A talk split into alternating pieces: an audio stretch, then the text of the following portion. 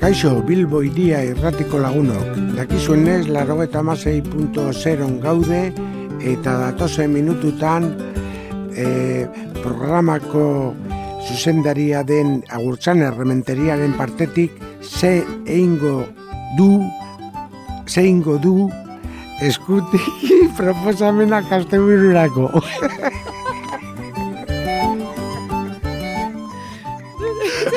Nire partetik, nire partetik zer. Nire partetik zer.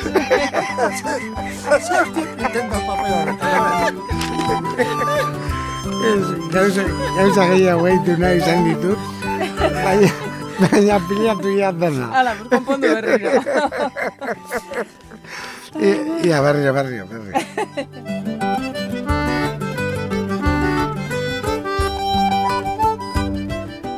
Kaixo, ongi etorri Bilbo Iria irratiko larogeta masei dial honetara, Bilbo Iria irratira, eta asteburuan zein gau saiora. Astebururo bezala, hemen gaude prest, zueri asteburu honetarako proposamenak eta eskaintzak egiteko. Hemen daukat nire alboan, Leire Marika, kaixo Leire. Kaixo, hemen nabil, ariketak egiten, ariketa fizikoa bat prestatzen, prestatzen bukaerarako, eh? Hemen gaude.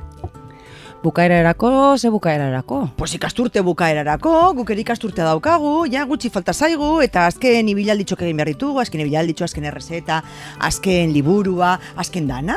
Beraz, eh, opor eta uda usaina hartzen diogu ja aroari. Mm, ikuste baietz, eta ja postuten, bueno, porrek posten nau, bai? Eta animatu ere egiten nau.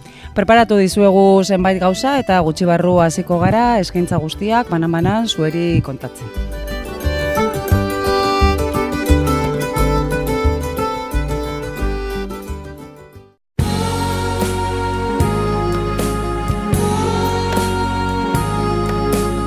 Hasi orduko eta beti bezala eguraldiari erparatu behar diogu, ba astebururako planak egin aurretik, ba segiro izango dugun jakiteko gora beratzua izan da astion eta asteburuan ere horrelakoa izango da leire. Mm, bai, tamales, bai, bai. Honik triste jartzen nau, eh?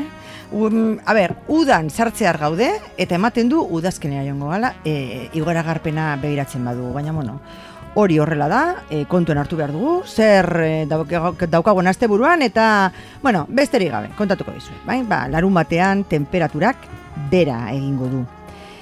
E, ui, osta, osta iritsiko gara termometroetan amazazpi, amazortzi gradura, hori e, kostaldean zein barruan. Eta e, ba, iparmendebaldeko haizeak odei basuak bultzatuko ditu itsasotik eta horrek badakigu zer ekarriko duen, ba, giro ilun eta umela ekarriko dizkigu. Eguneko edo zein honetan zirimiri egingo du, bereziki kantauri isuri aldean, eta hegoaldean, bueno, ba, odeitza eh, saretuago agertuko da, eta apenas euririk egingo du. Baina, han ere, ziertzo haizeak, ba, enbarazu egingo du. Gogoratuko dugu, maksimoak, temperatura maksimoak e, bai kostaldean, bueno, lurralde osoan gutxi gora bera, amazazpi amazortzi gradutan e, egongo direla, eta minimoei dagokienez, amabi amaika gradu kostaldean, eta barrualdean, e, zazpi bederatzi gradutik ez dira igoko. Itxasoa, ba, itxasoari begiratuz, mendebal osagaiko haizea ibiliko da, arratzaldean mendebal ipar mendebaldetik finkatuko da. Lau bosteko indarrarekin itxaskia edo itxaski handia eragingo du. Ipar, ipar mendebaldeko ondoko itxasoak metro eta erdi inguruko olatuak altzatuko ditu. Eta temperaturare, e, e, uraren temperatura, bueno, badoa gorantza, emeretzi gradura heldu da. Igandeko eguraldiari erreparatzen badiogu, ba, bezperakoaren jarraipena izango dugu. Hau da, ipar mendebaldeko haizeak eh, haizea lagun izango dugu egun osoan zehar, eta horrek, ba, ipar isurialdean oraindik euri tantatxoren bat edo zirinbiria izateko arriskua izango du. Badirudi oroar, oberantz egingo duela. Ego partean berriz, bueno, ba, euri arriskurik ez dugu izango, eta temperaturak eh, gora egingo ez badute ere, ba, izango dugu aterunea, aterunerik, eta e, ba, bueno, ba, eguzki ere ikus dezakegu herribera aldera joaten baldin bagara. Esan bezala, temperaturak berdinantzean jarraituko dute, hogei gradura ez dira helduko maksimoak, eta minimoek ere bere horretan jarraituko dute. Beraz, ba, eguraldi aldakorra eta iaia, itsasoan kanpoan besteko temperatura, orduan agian aukera ona izango da, uretan murgiltzeko, lehenengo baino hartzeko. Txapuzoi egiteko.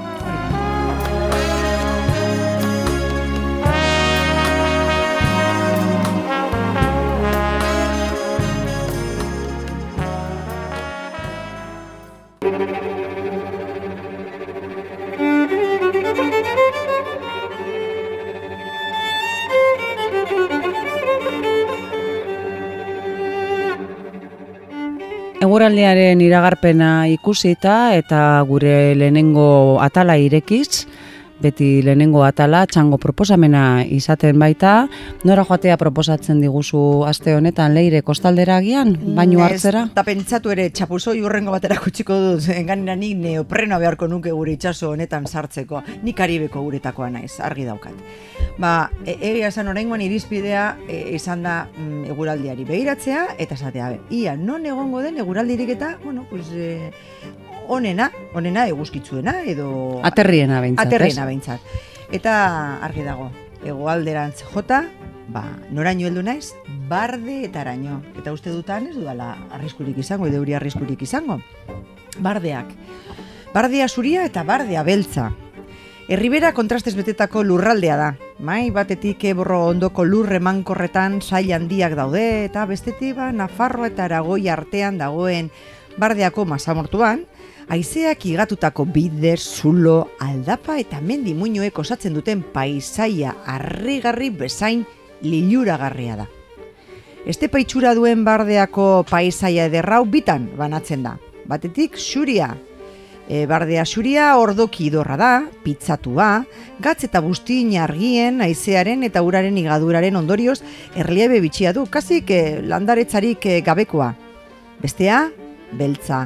Bardea beltzean berriz, lurra ilunagoa da, eta mediterraneoko pinudi ugari daude, landaretza ere ugariagoa da. Pasaden mendean, mila bederatzeren da larogeita emiretzian, Parke Natural izendatu zuten eta UNESCOk biosferaren erreserba izendatu zuen. Parkearen euneko bost, tiro eremuak hartzen du eta hori da bardean aurkituko dugun arazo ekologikorik larriena. Militarrek bardea zuriaren bihotzean 2000 eta berren hektariako tiro eremu bat esartzea erabaki zuten mila bederatziren da berrogeita maikagarren urtean. Eta, bueno, pues, e, hogeita bost urterako sinatu zuten hitzarmenean, NATOk eta Espainiako hegazkin militarrek maniobrak egiten dituzten lurreremuan sartzea debekaturik dago gaur egun ere. Pasatu dira urteak eta egoerak bere horretan e, segitzen du edo jarraitzen du. Ba, hortxe kokatuko dugu gure ibilbidearen hasiera eta bukaera. Argedaz, e, edo argedaz, ez dakit nola esaten duten bertan, uste dut argedaz esaten dutela, e, herri horretatik hurbil, e, Rikon, Rincon de la Raya izeneko herritxua dago. Eta bertan emango diogu hasiera gaurko ibilbideari. Gaurko ibilbidea ez da izango, ez borobila, ez lineala, denetatik izango du. Hasiera lineala izango da eta gero, bueno, pues, e, ibilbide borobiltxo bat ere egingo dugu. E, amaika kilometro eta erdi izango ditu, hiru ordu eta hogei minutu horrek ikusten ditugu mm, dena osorik eh, amaitzeko, eta desnibelari dagokionez, ba, berreun eta berrogeita hiru metro.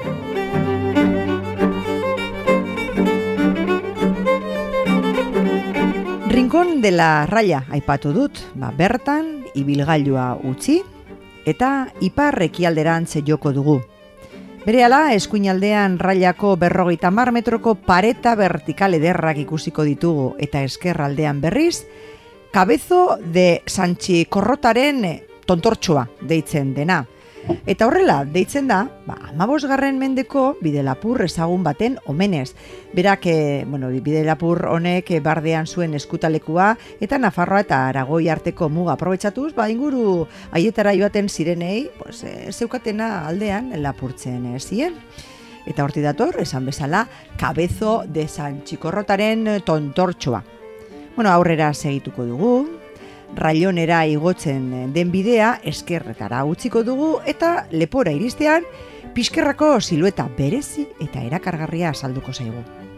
Hor, utziko dugu altxon bidea, hartu dugun e, bueno, ardiekin erabiltzen den bide hori, eta ezkerretik ateratzen den sendan barrena egingo ditugu urrengo pausuak. Railon eta pizkerra arteko zapaldaren bila abiatuko gara. Goberarik, gora berarik eh, gabe, bide honetatik laster ikusiko ditugu kolore okrez jantzitako mendi muinoak eta merezi du bidearen eh, egian eseri eta aurrean dugun paisaiari begiratzea edo zo geratzea. Txirrindulari askorentzat paradisu bilakatu dira hemengo sakan eta zapaldak eta oso normala da, arista bonita esaten dioten bidetik sakanera jaisten ikustea. Ikuspegiaz nahikoa gozatu ostean, pizkerra aldera abiatuko gara. Denbora gutxi beharko dugu mendiaren magalera iritsi eta aldapa motz eta pikorra ari ekiteko. Lehen izerdi tantak kopetan bera irristatzen hasten direnerako, tranquil, gailurrean gaudela konturatuko gara. Bide erdia egin dugu. Amildegira, kontu handiz eh, hurbildu eta monolito handiaren eskergaren gaina saiz beterik, saiz edo putrez beterik ikusteko aukera ere izan dezakegu. Baina gure presentziaz, em, ohartzen baldin badira, egoak astindu eta beste leku bakarteago batera joango dira. Gailurretik metro batzuk atzera egin, ipar aurpegitik ateratzen den xenda eskuinera utzi, hau da, korral del kalderora doana, eta pizkerra inguratuz mendebalderantz joko dugu. Bapatean, laberinto estu eta bitxi batean murgiltzean, urak igatutako mendiska bide eta aldapek arrapaturik sentituko gara. Ilargi itxurako paisaiaren erraietan sartuko gara. Non note gaude, ilargian akaso? Aurrera jarraituko dugu, eta berehala aterako gara rinkon de pizkerrara. Ordekaren ertzetik hegoalderantz duan pistan barna aurrera egingo dugu. Railongo pareta vertikalak aurrez aurre ikusi arte. Pista utzi, eta igarobide nabarmen batetik pasatu ostean, zakanean sartuko gara. Bizikleten gurpilek ondo seinalizatutako sidorrari jarraitu, bukaeran dagoen maldariekin eta artiz arista bonitara igoko gara. Hemendik, abia puntura itzultzeko, hasieran erabili dugun altxonbidea hartuko dugu. Norbaitek, railon tontorrera igo nahi izan ezkero, pentsa esazue joan etarrea beste ordu erdi bat edo izango litzatekela, ba lepoa pasatu eta zigizagan igotzen den bidetik jo beharko du. Amildegiaren ertzera hurbildu ezkero, betiko grabaturik geratuko zaion argazkia ikusiko du. Bide beretik edota hegoalderantz jaisten den sendatik, itzul daiteke hasierako lekuraino. Hau da, rinkon de la railaraino. Aipatu dut, e, altxon bidea, bueno, ba, Euskal Herriko abelbide garrantzitsuenetarikoa dugu, eta gaur egun gutxiago erabiltzen bada ere, oraindik milaka ardik igarotzen dute bide hori. Jabegoa udalerri zehatz batena espada ere, inguruko emeretzi udalerrik, olibako monasterioak eta erronkari eta zaraitzuko hartzainek ustia ditzakete lur horiek. Ekainaren erdialdera, hau da, orain da garaia, baganadua bardeetatik Pirineoetara eramaten dute. Erronkari barko mendietan eh, jada elurrik ez dagoenean, e, eta irailaldera berriz, ba, itzuli egiten dira. Elurrak goilarreak estaltzen dituenean, negua hemengo lurrepeletan igarotzeko. Irailaren bukaeran mendeetako ohiturari jarraituz, ba, milaka ardi sartzen dira bardeetako lurretan, San Miguelada esaten dioten egunean. Artzainek, hartaldeekin egiten dituzten ibilaldi horiek, bospasei egun irauten dute normalean. Bosteun urte baino gehiagoko ohitura horrek lotura estuak sortu ditu, herriberako herrien eta zaraitzu eta erronkariko herrien artean. Joan den mendearen hasieran, eun abelburu jaisten ziren bardeara, baina horiek gutxi dira, amazazpigarren mendean, lur horiek zeharkatzen zituzten, irureun mila abelburuekin alderatzen badituko. Pues hau da lagunok urbiltzen baldin bazarete e, barde taraino, ba, barde, barde azurian e, murgildu, eta nik kontadutakoa, ba, zuek bertatik bertara ikusi al izango duzuen. Beraz, e, Euskal Herriaren e, ego egora joan da, bertako naturaz gozatzeko aukera paregabea eskaini diguzu leire. Eskerrik Bai, asko. eta oso paisaia berezia, bai, ez, e, gure lurraldeak eta gure herriak baldin badu zerbait da, anistasuna, berdea leku batzuetan, mendiak, eta gero bestalde batetik, ba, bardeatako basamortua bezalakoa. Bai, ba, bakero eta indioen pelikula bat egiteko modukoa. Bai, bea kontuz, eh? Ze hor badaude oraindik amerikanuak edo base militarrak eta ni ez daki fiatuko nintzatekeen, eh? Hmm. Indioak bidali bada espada orduan. Bai, baina ondo hornituta.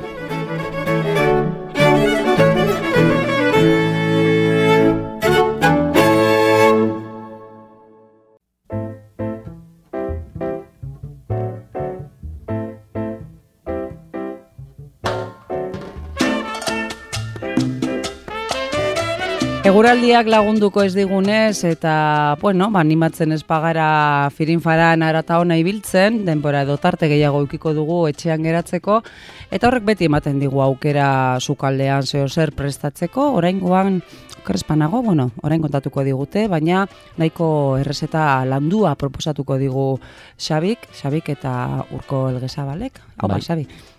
Haupa, betu, e, zeuk esan duzun bezala, e, placer bat da e, zuekin egotea eta sukaldean aritzea, baina benetan esan behar dizuet, e, gero eta gehiago gustatzen zaidala hemen zuekin e, egotea. Bai? Errez eta proposatzen, zuekin hitz egiten, zuek kontatzen dituzuen, e, ba, bueno, gauza bitxi horiek e, ikasten, benetan, eh? Ez dakit gaur romantiko xamar nagoen, baina benetan, placer bat da zuekin egotea, benetan. Eskerrik Bueno, asko, Xabi, horrelako gauzak eta entzuteko. Bueno, dena dala, datorren astean, e, irurok egongo gara hemen, e, hasieratik bukaerara, Ah, bai, bai, eh? Zita bai, daukagu bai, bai, bai, gure bai, bai. ikasturtunetako azken programa Bai, bai, bai, bai, agurtzeko. bai. Eta gaina programa berezia, ez dakit ez zerbait aurreratu aldugun, baina, bueno, ez, ez dugu zer esango, ez? bapes. Ala. Datorren astean izango da hori. Mm, Vale. Mm, Ni gozenaz, ala, ia, hasi. Mm. E, ba, bueno, ba, gaurkoan agurtzanek esan duen bezala, oso errezeta, bueno, izena da, oso, ez dakit nola esan, e, rimbombantea, baina gero ikusiko duzu nahiko erraza dela errezeta hau prestatzen. Ah, ez da hilandua, ematen duen bezain landua orduan, ez. Ez, errepikatuko dut beti izaten dudana, e, zuen maila ikusita beti alegintzen nahi salik eta gauzaik errazenak ekartzen, baina, bueno, uste dut datorren urterako gauza landuagoekin hasiko garela, lehenengo kurtzua edo lehenengo maila egin duzue aurten irekin, eta, bueno, datorren urtean, ba, hasiko gara beste... Bigarren mailan ja da. zerbait landuagoa Bai, izango da. bai, ez? bai. bueno, baina ez maila aurreratu pasatu, eh? Ez pasatu. Ba, ez, ez. Bueno, Poliki, ni hemen poliki nago, boligrafoa, papera apuntatzeko prest, e, beraz nahi duzune. Bai, bueno, errezetaren izena, e, gazpatxo eta makaio tortatxoa patatarekin. Jesus. Gozo, ez? Bai, Txulagintzat. eta dotore. Bai, Bai, bai, bai. geratu buruan? Errepikatuko dut. Bai. Gazpatxo eta makaio tortatxoa patatarekin. Patata edo patati. Ah, bueno, Patatikin, en, ez, ez, kin, ez dut esaten, da? bueno, pasaden astean ibili ginen horrekin, ez? Apurtxo bat, eh, tempura, tempuri, tomati... Bai, baina kaso honetan deklinatu eskeroia ez du mantentzen, ez? E, Patati, bai, baina patata erekin esateko, zelan esaten Patatakin. duzu. ondarrun egiten dugu, e, singular denean, patatiaz, Patatiaz, Bai? baina gero pluralin norekin kasu erabiltzen dugu, patatakin. patatakin. Patatakin. Bai. Ah, bitu, kuriosoa, bai? eh? Lagunaz, baina Mhm. plurala egiten dugunean esaten dugu lagunekin. Lagunakin, bai? Hau da, mm, klase bat, eh? Klase... Orduan, ondarrutarrez izango zan, e, gazpatxu makaiauaz eta patatiaz. Ah, Ez tempuriaz, eh? Pasaden azten mono, patatiaz. celebreak honek ondarrutarrak, eh? bai benetan. bueno, beste aste bat, eta hemen gaude urko elgezabalekin, kafe antzokiko sukalderiarekin, ea gaurkoan e, ze errezeta proposatzen digun. Egunon, Ah, figuro, Xabi. egunon. Zer urko, zelan, eguna ondo doa, lanpetuta zabiltza, horrekoan nahiko lanpetuta ibili zinen, ez? Bai, gaur pizkanaka, pizkanaka. Gaur lasaiago. Bai, bai. Ba, hobeto, hobeto. Bueno, da, zer eh, proposatzen diguz, azte gaur- honetarako. Gaurko ebiko dugu gazpatxo bat, e, bakailu eta patata tosta batekin. Aha. Osea, gazpatxoa hori andaluzikoa, andaluziakoa da, ez? Bai, bai. Bueno, baina patata asko dauzkagu araban, eta bueno, ba, patatarekin eh, ere, egingo dugu, ez? Bai. Zein da, zeintzuk dira osagaiak gazpatxo hori prestatzeko? Bueno, gazpatxoarentzat e, jarriko dugu bieda alontxi olio, Mhm. e, alontxi erdi ospin, bi piper berde, Mhm. tipula bat, bueno, Mhm. tipula erdi bat, Ulerri bat. piper gorri erdi bat, Mhm. E, tomate, bost, bost tomate, Pues bat tomate, hori izango litzateke gazpatxo egin dugu, ez? Eta berakatxe hain- agin bat. Hagin bat, bale. Errepikatuko ditugu ze nahiko, ez? Nahiko zagai behar ditugu. Hau, ego, batzen dut. Gai, ea gogoratzen ditugu, bion artean. Hasieran uste dut, ni hasiko naiz eta zuk zerbait eh, gusten baduzu bastu zaidala, ba, gogorarazi. Eh, olioa, zan duzu, edalontzi bat, Pare bat. pare bat, eta ospina edalontzi erdi. Erdi. Vale. Eh, gero piper gorria, Erdi bat. erdi bat, piper berdea ere bai, zan duzu, Pare bat. pare bat. Eh, tipula, Erdia. tipula erdia, berakatza, agin bat edo ale bat, esan dugu, eta nik besterik ez dut gogoratzen. Zein falta zaio. Tomatea. Tomatea, bai, tomatea Ia, esan ia, duzu? ia, probau, eh? Ia, ia, bai. Bost bueno, tomate. tomatea aztu zaio. Vale, Bai, bost tomate behar ditu. tomate. Vale, Zurituta, bale? zurituta. Eta horrekin gazpatxo egingo genuke. Horrekin egin nuke jarpatxo. Jartzen dugu bol batean, e, botatzen dugu osagai guztiak, ba, kipula, tomatea txikituta. Dena txikituta, dena piperra, dena txikituta. Eta batidorarekin, ba, Txikitzen txikitzen dugu, eta ospina botatzen dugu azkena, eta frogatzen dugu, haber zen moduz, bueno, gatza ere, Mhm. eta frogatzen dugu, haber, ba, jende batzuri gustatzen zaio ospina asko, beste gutxiago, ba, Bai, hori bueno, frogatu. probatu eta gustoren Hori. arabera. Bueno, txikito horretik jarriko dugu e, osgailuan, Bai? beste gauzak egiten dugun bitartean. Osea, ja oskaioan utziko dugu, ja txikituta gero. Bai. Vale, han osten utziko dugu. e, astu zaigu, hogi, Berrindua. hogi ez, hogi zati... Hogi zati bat. Bi, pare, Pare bat, bat. eh, botatzen dugu ere, gorputz hartzeko. Vale, eta hori ere txikituko genuke batiroarekin. Hori da. Vale, vale. Bai. Zatitxu. Vale. Gero beste aldetik, eh, Horrekin ja gazpatxua eginda daukagu. Bai, bakarrik, ba, demora batxo bat eh, utzi zaporea Ba, ondo zaporea hartzeko, hartzeko. gero birrindu, eta frogatu, a ber, edo espin gehiago, edo olio gehiago, Vale. eh, oso lodi badago bota genioke ur pizka bat, Mhm. Vale. eta hori gatza, eta eta horrela badago. Nahiko da. ia. Vale. Gero, beste aldetik egingo genuke e, bakailuaren e, tostu. Eta horretarako behar dugu e, lau, pertso- lau pertsonentzat e, ba, lau zati hogi. Mhm. Hoi normala, erabiliko genuke. normala, Vale. ba, baina horta antzeko... a ber, Laukitxoan igual moztuta edo, edo... Hori da. Bai. Bueno, laukitxoan rodajetan. Vale. Vale. Lau rodaje. Vale. Lau zati. E, hori, lau zati. E, botaken nioke pizka bat olio eta laba zatuko genuke. Mhm. Berreun da berrota marra dutan, Mhm. e, ba, tostatu bat, eh. Mhm. Vale. Beste aldetik e, bakailua, e, ba, e, laure, ez, irureun gramo, bakailo. Mhm. E, tajada loditxoa, Aha. eta horrekin aterako genuke e, laminak. Aha. Hori egiteko jartzen dugu ura egosten, Mhm. sartzen dugu oso gutxi, pare bat minutu hiru bakailua, eta ateratzen dugu, egosi, egosi pizka bat, Vale, osea, agosten hasten den, edo irakitzen hasten denean, sartu, hori da. hiru eta hiru bat minutu du izan, eta gero, eta ateratzen dugu laminak. Mhm. Eta gero beste aldetik, ba, egosiko genuke patata. Vale. Patata egosiko genuke, ba, hori, ba, patata pare bat. Mhm. Pare Vale. bat, e, uran jarri, gatza, pizka bat olioa, eta amabos goi minutu. Bai, eta bueno, probatzen joan abregin da dagoen, eta Hori da, frogatu eta dagoenan, ba, Orduan izango litzateke alde batetik gazpatxoa egin dugu, gero makaioa egosi edo beharko genuke, bai? Eta eh, azken azken esan duzu, eh, e, patata egosi, patata egosi, bai, eta bai. egoia tostatu. Eta hogia tostatu hori labean, Egin, egin algin duke tostadora badaukagu, tostadora batekin. Hori Vale, da. vale. Eta gero ja da montatu. E, ba, platesakon batean, e, behan jartzen dugu pizka bat gazpatxo, Mhm. eta gero jartzen dugu e, ogia, Aha, patata, zati pare bat, aha. eta goinan e, bakailoa. Vale. Eta oneri botal genioke goitik, e, alioli saltza bat. Mhm. Eta hori oso erraza egiten da, etxean ere oso erraza egin alditeke. Jartzen dugu e, batidoraren edalontzian ur pizka bat, Bai. agi e, berakatxegin bat, Mhm. eta berrintzen dugu. Mhm. Ulori kolatzen dugu, Mhm. eta maonesa eukitzen dugu etxean. Bai, bai, bai, hori bueno, Hori da, para ba, etxetan dago. boltso batetan, bol batean, e, bota pare bat hiru oiarakada maonesa, Mhm. eta berakatxarekin egin dugun ura, Mhm. E, gehitzen diogu pizkanaka, dena hori da, bai. zapore hartzeko. Hori hartzeko eta Egiten dugu etxeko alioli. Eta hori izango litzateke, bueno, nahi izan ez gero, Hori ez? nahi baduzu zez gero, jarri duke goitik bakeloari. Vale, vale, Eta bueno, bai, bueno, ba, Ea oraingoan, pasaien astean e, tempurarekin aritu ginen, ez dakit zure entzule horrek zerbait komentatu dizun, ze, bueno, berak eskatutako, ez, reseta bat, edo, bueno, tempura nola egiten zen, bai? Bueno, ba, Eta honetan gaurkoan... ere lagundu dit, eh, bizka bat. Ah, bai, oraingoan ere... Bai, bizka bat, zeukat laguntzaile bat. Ah, ondo, ondo, ondo, ondo, laguntzaile sekreto bat daukazu orduan. Bai, bai, bai. Vale, ba, mi esker urko eta urrengora arte. Bueno, sabi, uren arte. Agur.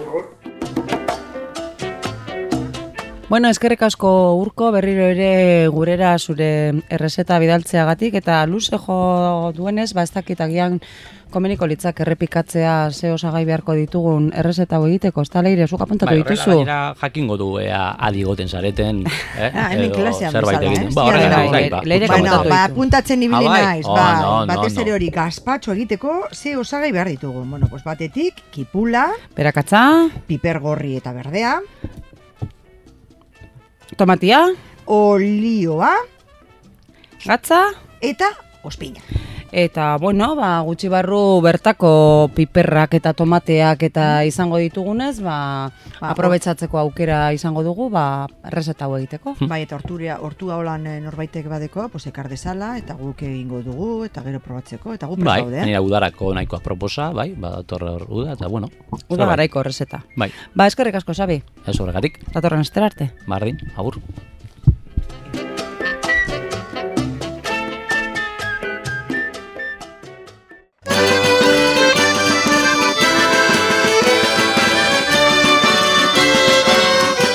Bilbo iria, hiri irratia.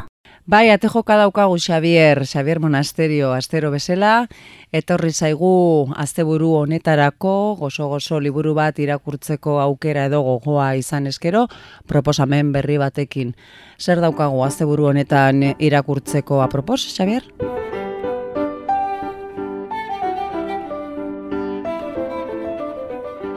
Kaixo lagunok, eh, gaurkoan eh, liburu bakar bati buruz hitz egin beharrean eh, proiektu handi bati, ba- bati buruz hitz egin nahi dizuet. Proiektu hori lur eta amets da, Euskal Herriko historia, eta izenak berak dioen bezala, ba, Euskal Herriko historia du oinarri eta umeei begira egindako lana da, naiz eta gazteek eta helduok ere oso gustora irakur dezakegun e, oso politak direlako, ikusgarriak ongidatziak daude, baina batipat e, utxune handi bat daukagulako Euskaldunak gure historia ez dugu behar bezala ezagutzen eta bilduma hau utxune hori betetzera dator. Lur eta amets e, Euskal Herriko historia e, bilduma honetako zenbait liburu agertu dira. Eta Usue Alberdik eh, idatzi ditu eta Patxi Pelaesek eh, ba nolabait marrazkiak egin eta eta zer biltzen duten eh, liburu hauek ba azken o- ehun da hogeita hamar urteotako historiaren pasarte bana biltzen dute. Adibide batzuk emango ditugu. Adibidez Lur eta Amets zazpikaletako eskola izenekoan, emeretzigarren mendearen amaierako Bilbon kokatua dagoen hortan, abertzaletasuna eta gizarte eta langile mugimenduaren pizkundearen momentua ikusten dugu, momentu historiko garrantzitsu hori ikusten dugu. Beste batean, ba, lur eta amets ikastola armairu barruan, ba, mila behatzireon da irurogiko amarkadaren eh, hasierara eramaten gaitu liburu horrek, eta Donostian frankismo garaiko lehen ikastolen sorreraren garaia ero erakusten eh, zaigu eta Elbira Zipritiaren bizitzan oinarrituta dago. Bera dakizuenez bera Elbira Zipritria izan baitzen ikastolen mugimenduaren abiarazletako bat eta andereñoen andereñoa ere esaten zioten pedagogian oso aurreratua zegoelako bera. Hirugarren batean, adibidez, ba, lur eta amets eh, martxa eta borroka. Mila behatzireun da larogiko amarraldiaren hasieran, ba, musikaren, gazte mugimenduaren eta gaztetxeen leherketaren e, garaia erakusten diguta. Bueno, esan behar da, Eusue e, Alberdik idatzi ditula testuak, e, Patxi Pela, e, bueno, gero aurkeztuko dugu hori. Eusue Alberdi, elgoi bartarra dugu, oso ezaguna da bersolaritza mundutik, denok inoiz ezun ditugu bere bersoak, baina idazle fina eta saiatua eta jaio ere bada bera, eta badauka lana ina, eh? eta aurreratuta honezkero. Adibidez, narrazio arlo horrean, ba, badauka aulki bat elurretan, aulki jokoa, euli giro, eta aurreta gazte literaturaren arloan, ba beste hainbeste, eh? txikitzen esaretenean, ezin dut eta eta zer, e, marizikina naiz eta zer, zure denboraren truke, hau da, e, idazten e, ohitua dagoen bersolaria dugu Usube Alberti. Eta orain, e, adibidetan, bildumaren adibidetan, hirugarren aipatu dugun horren zati bat irakurriko dizuegu. Martxa eta borroka, lehen genioenez, e, larogeiko amarkadan, musikaren estanda, gaztetxen estanda, gizarte mugimenduen, herri mugimenduen estanda gertatu zen, eta hori ze e, alegindu da Usue, Alberti. Honela, euria ari du sarra-sarra, ala daramatza zenbait egun, bota eta bota, atertu gabe. Lur eta amets telebistari begira daude, kalendarioan ikus daiteke mila behatzireon dalaro gita iruko abuztuaren ogoita bosta dela. Aspertuta nago dio lurrek, ez dago ez interesgarririk. Ez kexatu, agirika egin dio amonak. Horen euskaraz ikas dezakezu behintzat, alde derra frankismoko telebistarekin. Zuri beltzeko telebista dute etxean, hilabete gutxi batzuk dira aparatuak euskaraz ikasi zuela. Telebista aparatua seinalatu du handerrek. Hortixetik ikusi nuen notizia, atzo baliz bezala gogoratzen dut. Espainoles, Franco, ha muerto. Ura posa. Noiz den hori? Orain dela sortzi urte, mila behatzireon derurogeita amabosteko azaruaren hogeian, zuek jaio berriak zineten. Hemen geunden? Jakina, hortxe, zehazkatxo banatan, Etzen berelakoan joan patxi zarra. Lo zeundetelan txampain botila ustu nuen nik bakar bakarrik. Marra miauka protesta egin dio Baltasarrek ondotik. Arraza hoi, biok ospatu genian, lastan du amonak, katxarra. Asko aldatu dira gauzak gordotik, jakin nahi izan du lurrek. Asko, baina nahi baino gutxiago. Beraz, lagunok, hau da bilduma, lur eta amets eh, bilduma, Euskal Herriko historia oinarri hartzen duen aur eta gazteentzako bilduma, eta hau izan da, martxa eta borroka, atal, atal bateko hasiera irakurri dizueguna. Benetan, komentatzen dizuegun bilduma.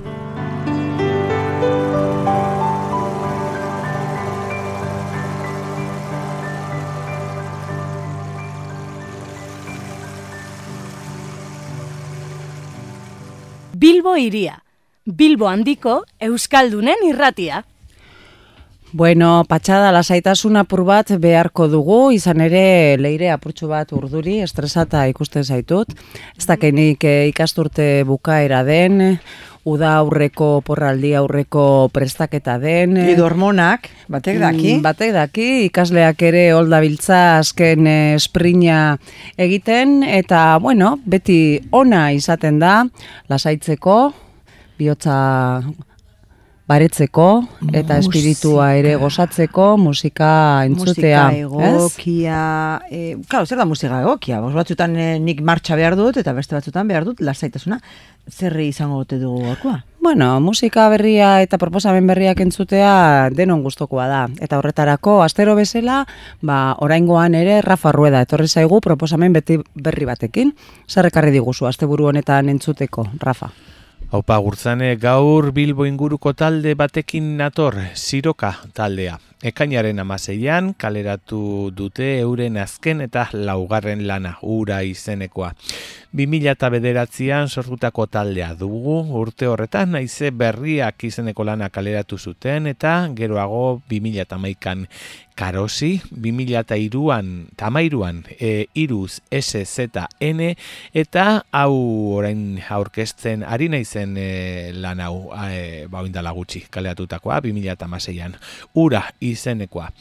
Bederatze kantu ditu lan honek, Marta López artistak eskuz egindako diseinuarekin dator eta ipatu behar dugu amar ale baino ez dituztela fabrikatu. Ale bakoitza amar eurotan gehi bidalketa gastuak ordainduta eskuratu dezakezue euren webgunean siroka.com webgunean. Marta Rivero ahotsetan, Gorka Chamorro baterian, Pepo Malgarejo basuan eta Inigo Pagazaurtundua e, gitarran e, dira siroka taldeko e, partaideak.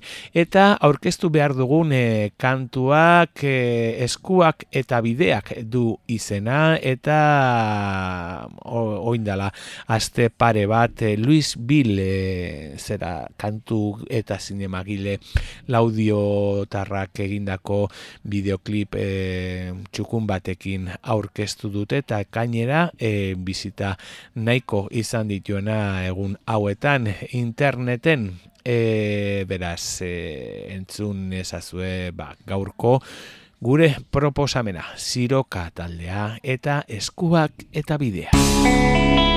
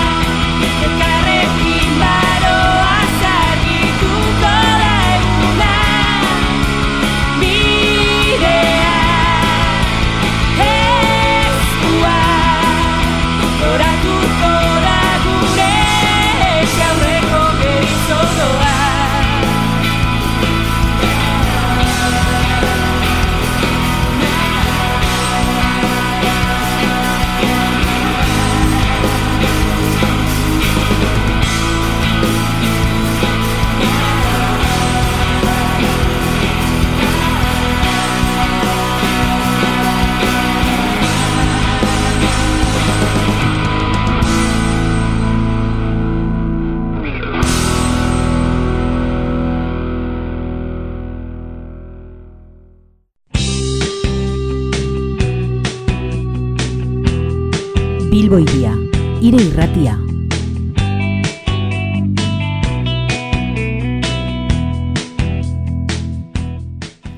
Asteburu honetarako proposamen bereziaren txanda ailegatu zaigu eta oraingoan ekainaren emeretzian igandean agurainera joatea proposatzen dizuegu. Izan ere, agurainen araba euskeraz ospatzen da eta edizio honen antolatzaileak lautada ikastola, bertako aguraineko lautada ikastola izango da. Geroari begira lelopean antolatu dute jaialdia eta festaren helburuak besteak beste Herrian eta familien artean euskarari bultzada bat ematea eta ikastolako baliabideak hobetzea izango dira. Esan bezala, ekainaren emeretzian eta agurainen, araba euskeraz.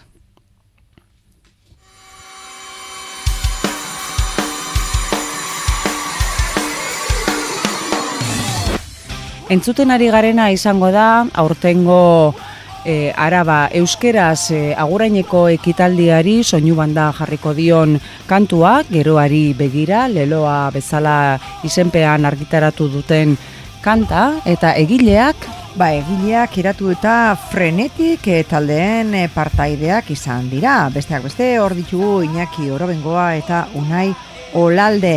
Itzak berriz Iker Pastor eta DBH-ko ikasleak esan dira lautada ikastolako DBH-ko ikasleak.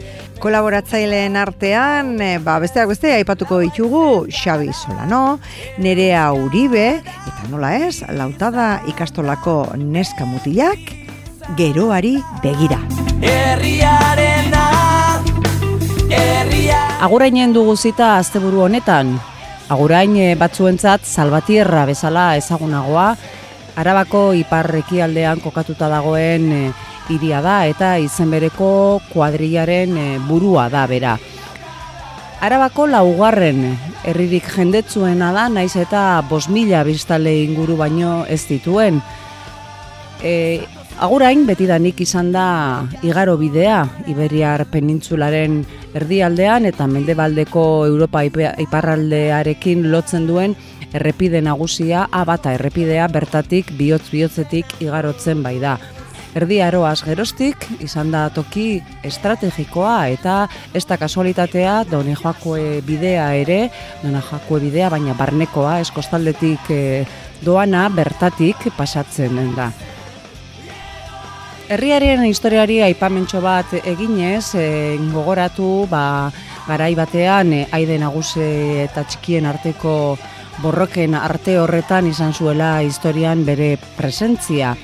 Haiek baina nahi zuten boterea lortu eta beren jaurreriak e, mantendu zituzten alaxe gertatu zitzaion aguraingo konde Pedro López de Aialari. Mila eta bosteun garren urte inguru horretan, Carlos Lehenengoaren kontra matxinatu ziren herrikoak eta komuneroen altxamentua aprobetsatu zuten. Mila bosteun da hogeita batean, matxina da galdu eta atxilotua izan zen eta gero eraila. Agurainek ereje iribilduaren titulua eskarot, eskuratu zuen garai horretan eta etorkizuna arrezkero esen batere erraza izan. Mila beratzeren da irurogeita bostean, garai hartan hain e, oikoak ziren izurriteak eraso egin zion araba osoari eta baita aguraineri ere. Eta hori gutxi balitz, ba, kutsatutako biztanleen ondasunak erretzeko orduan, egin oizen bezala, sua deskontrolatu egin zen eta hiribildu osoa erre egin zen horren ondorioz berrera ikitze lanetan oso garrantzitsuak izan ziren Ameriketako aurkikuntzaren ondorio heldu ziren ondasunak.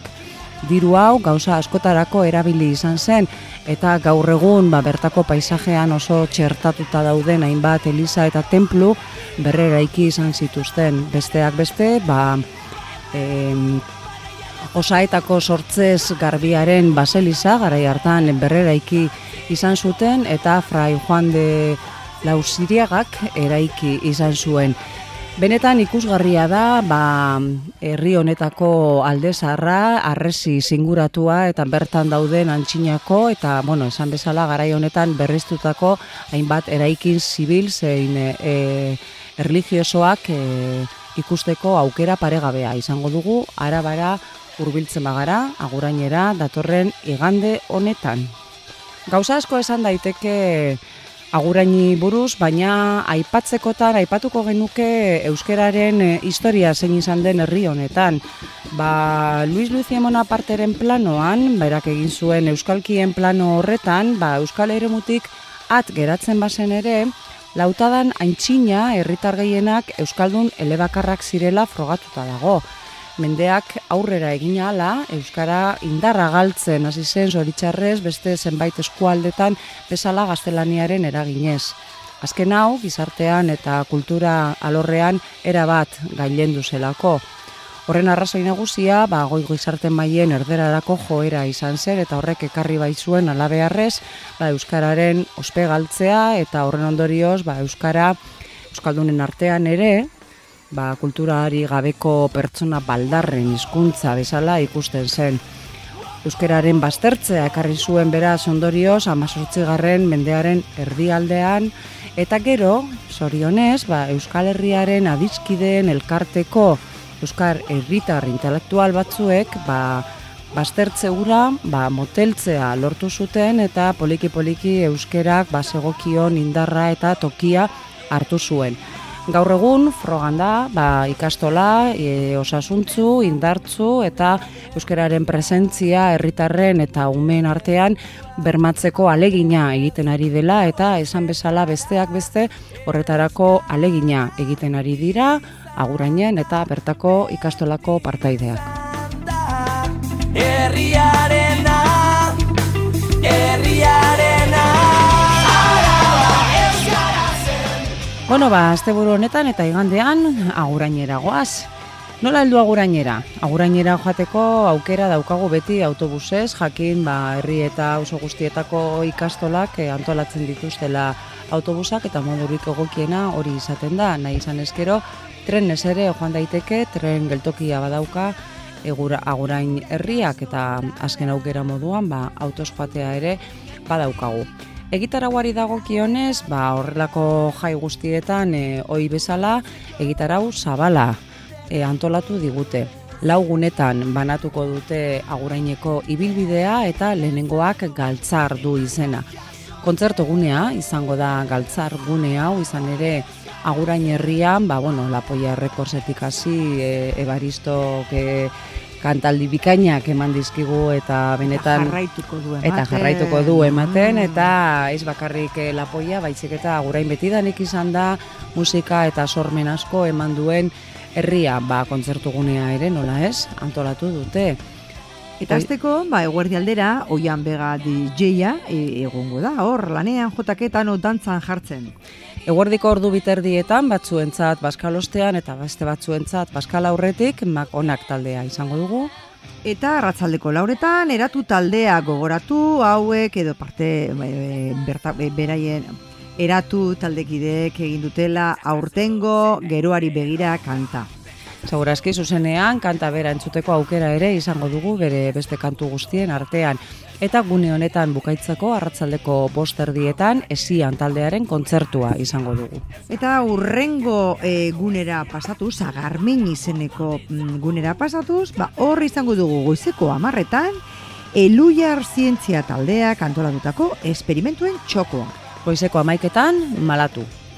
E, amabit erdiak aldera eta baskaldu baino lehen, bertsolariak izango ditugu Jon Ruiz de Pinedo, Oiane Perea, Iker Pastor, Mane Xagirre, gai jartzaile, aintzane irasusta dutelarik. Gune berean, eguerdiko ordu bat aterdietan, e, txalamako txalapartariak izango ditugu. Eta gozea eginda, ba, herri baskaria alaitasuna errondaia izenpean. Arratzaldeko edo baskalosteko iruretan, arramaska. Arratzaldeko lauretan, Slaik Line. Eta lauterdietan berriz, Oxabi taldearen eskutik erromeria. Erromeria, jandakoa eta bajatzeko. Eta joan gaitezen irugarren gunera, bentatxora. Bentatxon Euskal Gelas eta Jokoen e, gunea izango da, baina hala ere guardiko amabietan, zumba izango dugu. Bueno, zumba eta dantza plaza izango dugu oskizolarekin eguerdiko ordu batean. Arratsaldera pasatuta, arratsaldeko iruterdietan kunbalai batukada izango dugu. Eta herrikirorak arratzaldeko lauak aldera. Beti bezala, txikitxoei edo umei eskenitako gunea ere izango dugu eta hau izango da laugarrena lesao gunea. Goizeko amarretan, herrien arteko pilota txapelketaren finala ospatuko dute. Bueno, eta amarterdietan txakurren erakusketa izango dute gure txikitsuek. Bai goizeko amaiketan eta bai arratzaldeko lauretan, gune honetan kaipe tailerrak izango ditugu. Eta, bueno, gure payaso handiak e, pirritx eta porrotx eta marimototx amalur ikuskizunarekin eguerdi aldera izango ditugu, amaiketardiak aldera. Paskal ostean, iruretan, makarroiak eta jandagero, erizmagoa. Erizmagoa ibiliko da, pues makarroiak ag- agertarazten eta desagertarazten. Eta bukatzeko, e, arratzaldeko bost erdietan, partiman aur disko festa! Gogoratu, e, ekitaldi berezia egingo dutela, erronka izenpean antolatu dute horrelako jinkana antzeko zerbait, eta probabizi eta zirragarriak izango dira, taldeka gainditu beharrekoak e, ibilaldi osoan zehar, batetik abilesia eta indarra eta abiadura erakustekoak eta bestetik buru argitasuna, jakintza orokorra eta nola ez, euskal saretasuna ere frogan jarriko dutenak. Eta irabazleentzako sairi banaketa bentatxo irugarren gunean ordubit erdietan izango da. Bueno, eta ez ahaztu egunean zehar, hor izango dituzuela puzgarriak, kale animazioa, e, tailer ezberdinak, golf, artizauak, Eta zirkuito osoan zehar, ba, kunbalaie batuko da, ibil, batuka da ibiliko da giro alaitzen, agurengo trikitilariak eta txistulariak baita ere, musika banda eta elektrotxaranga, txalamako txalaparta eta animazio anitza izango dugu. Bueno, eta ezaztu, hausartenentzat globo aerostatiko ere izango zuela, tirolina, rokodroma eta paintbot laugarren gunean, lezao izeneko gunean. Beraz, programa oso interesgarria antolatu digute asteburu honetarako, iganderako, agurainera, araba euskeraz e, 2016ko ekitaldirako antolatu duten festa honetara, gogoratu alizan eskero, autobusez hurbildu, beti ere gizalegez jokatu eta disfrutatu.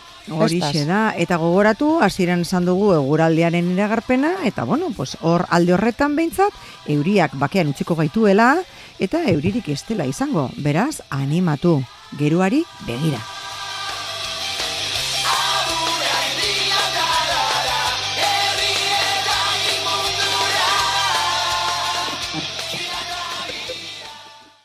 Bukatzen ari gara, baina bukatu baino lehen beti bezala e, gure proposamenez gain beste aukera batzuk egon badaudenez, ba Ane Zabalak prestatu digu oraingoan berriro ere, aurrekoan oso ondo egin zuen eta berriro enkargu bera egin diogu, asteburu honetarako inguruetan daukagun proposamenen e, agenda zehatza. Zer daukagu asteburu honetarako Ane?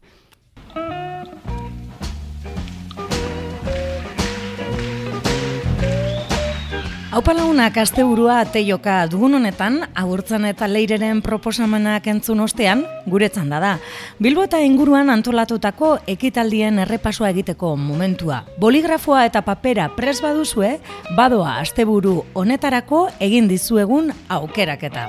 Lehenengo antzeslan baten proposamenarekin gatoz, Bilboko pabellon 6 aretoan ekainaren amazazpian, alde zaharreko maitaleak antzeslana ikusteko aukera izango duzue. Zespirren obrekin jolasten jarri ditu patxoteieriak, Olatz Gamboa eta Mikel Losada aktoreak alde zaharreko maitaleak obran. Dramaturgo inglesaren obretan barnerako bidaia kostagarria bezain dramatikoa osatu dute.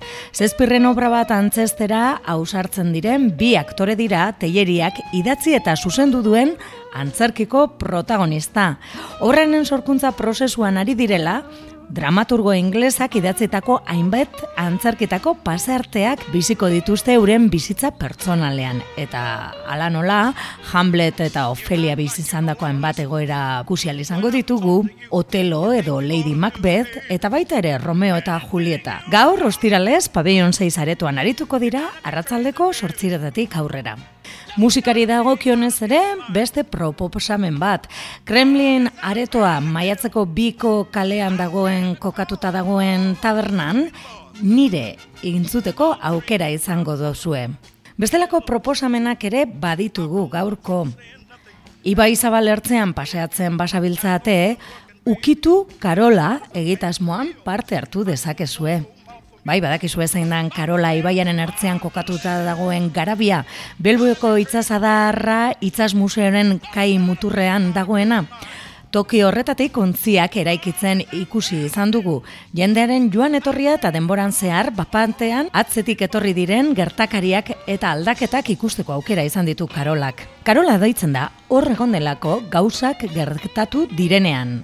Ibaia gurutzatzen zuen neska ederraren anekdota eman zion izena Karolari.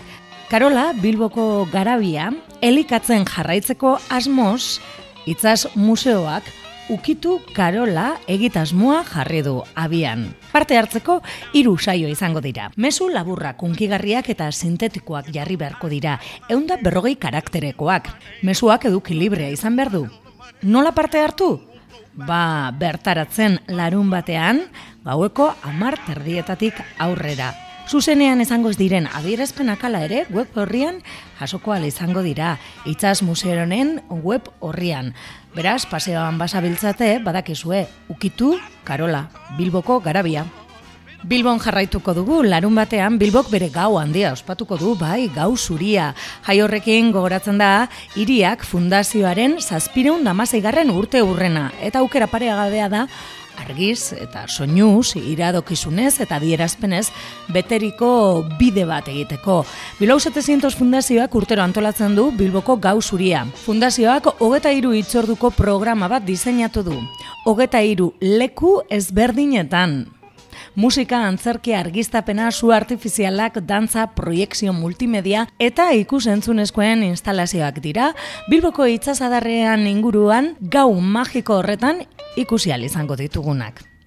Gau zuria, arratzaldeko sortzi terdietan hasiko da eta ordu biak arte iraungo du. Bertsoak nahiago baduzue, Bilbon beste proposamen bat daukagu, holtza bertso performanzea. La Ribera Bilbao tabernan izango da itzordua larun batean, eguerdiko amabietan. Eta bertsolariak, Jon Martin eta Jone Uria izango dira. Eta performanra, Beñat Kromlen, Larun bateko errepasoarekin jarraituz la fundizion aretoan egingo dugu geldiat dia. Siomara ormaetzek simbiosis lana aurkeztuko du larun bata eta igandetez. Simbiosis, espezie ezberdinetako bi organismoren arteko harremaneztua eta iraunkorra da. Eta simbiosis obraren bidez, giza harremenetara hurbildu nahi da kontzeptu biologiko eta zientifiko taz baliatuta siomara ormaetze dantzari gernikarra. Esan bezala, Simbiosis, la fundizion aretoan ikusi izango da larun batean eta igandean arratzaldeko sortziretatik aurrera. Baina asteburu honetan ere Bilbon kulturkalez ekimena izango da. Hainbat hausotan, hainbat ekimen izango dira. Bat aipatzearren, Santutzuko Carmelo Plazan zirko pieza ikusteko aukera izango da. Suar pres, paradosa pieza aurkeztuko du.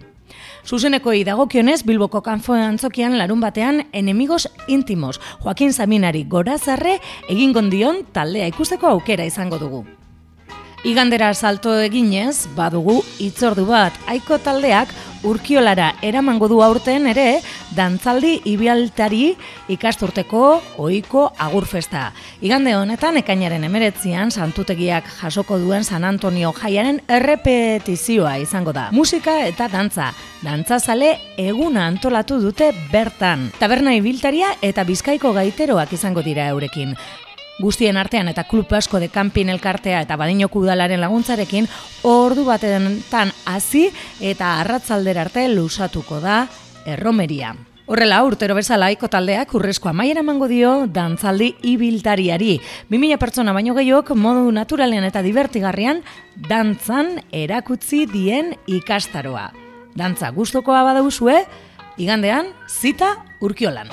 Gure errepasoa bukatzeko bestelako proposemen bat egingo dizuegu. Erakusketa bat. Soka Euskal Dantzaren urratzetan.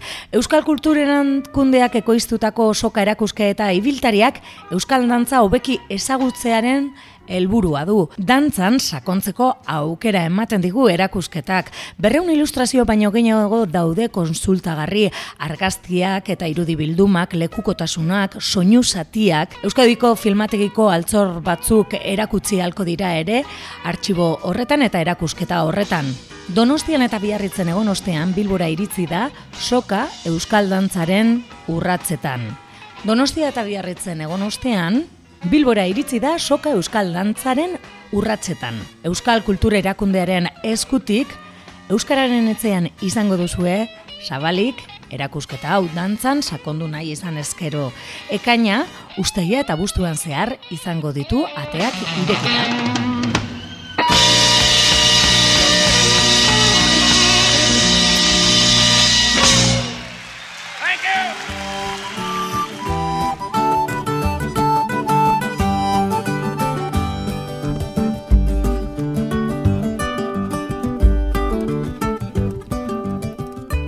Bueno, gu bagoaz, egin beharrekoak eginda ustez, eta orain zuen esku dago, ba, nahi go duzuena, interesatzen zuzuen, zaitzuena, edo gogoko duzuena aukeratu, eta azte buruan, ondo pasatzea, ezin joan esan gabe, ba, San Juanetan, sartuko garela datorren astean, eta San Juan zuak, San Juan gauak, San Juan sorginkeriak eta ager, akerrak ibiliko direla Akarrak, astean, adarrak, eh, okerrak, akarrak, okerrak, okerrak, adarrak, akarrak? Adarrak, okerrak, akarrak?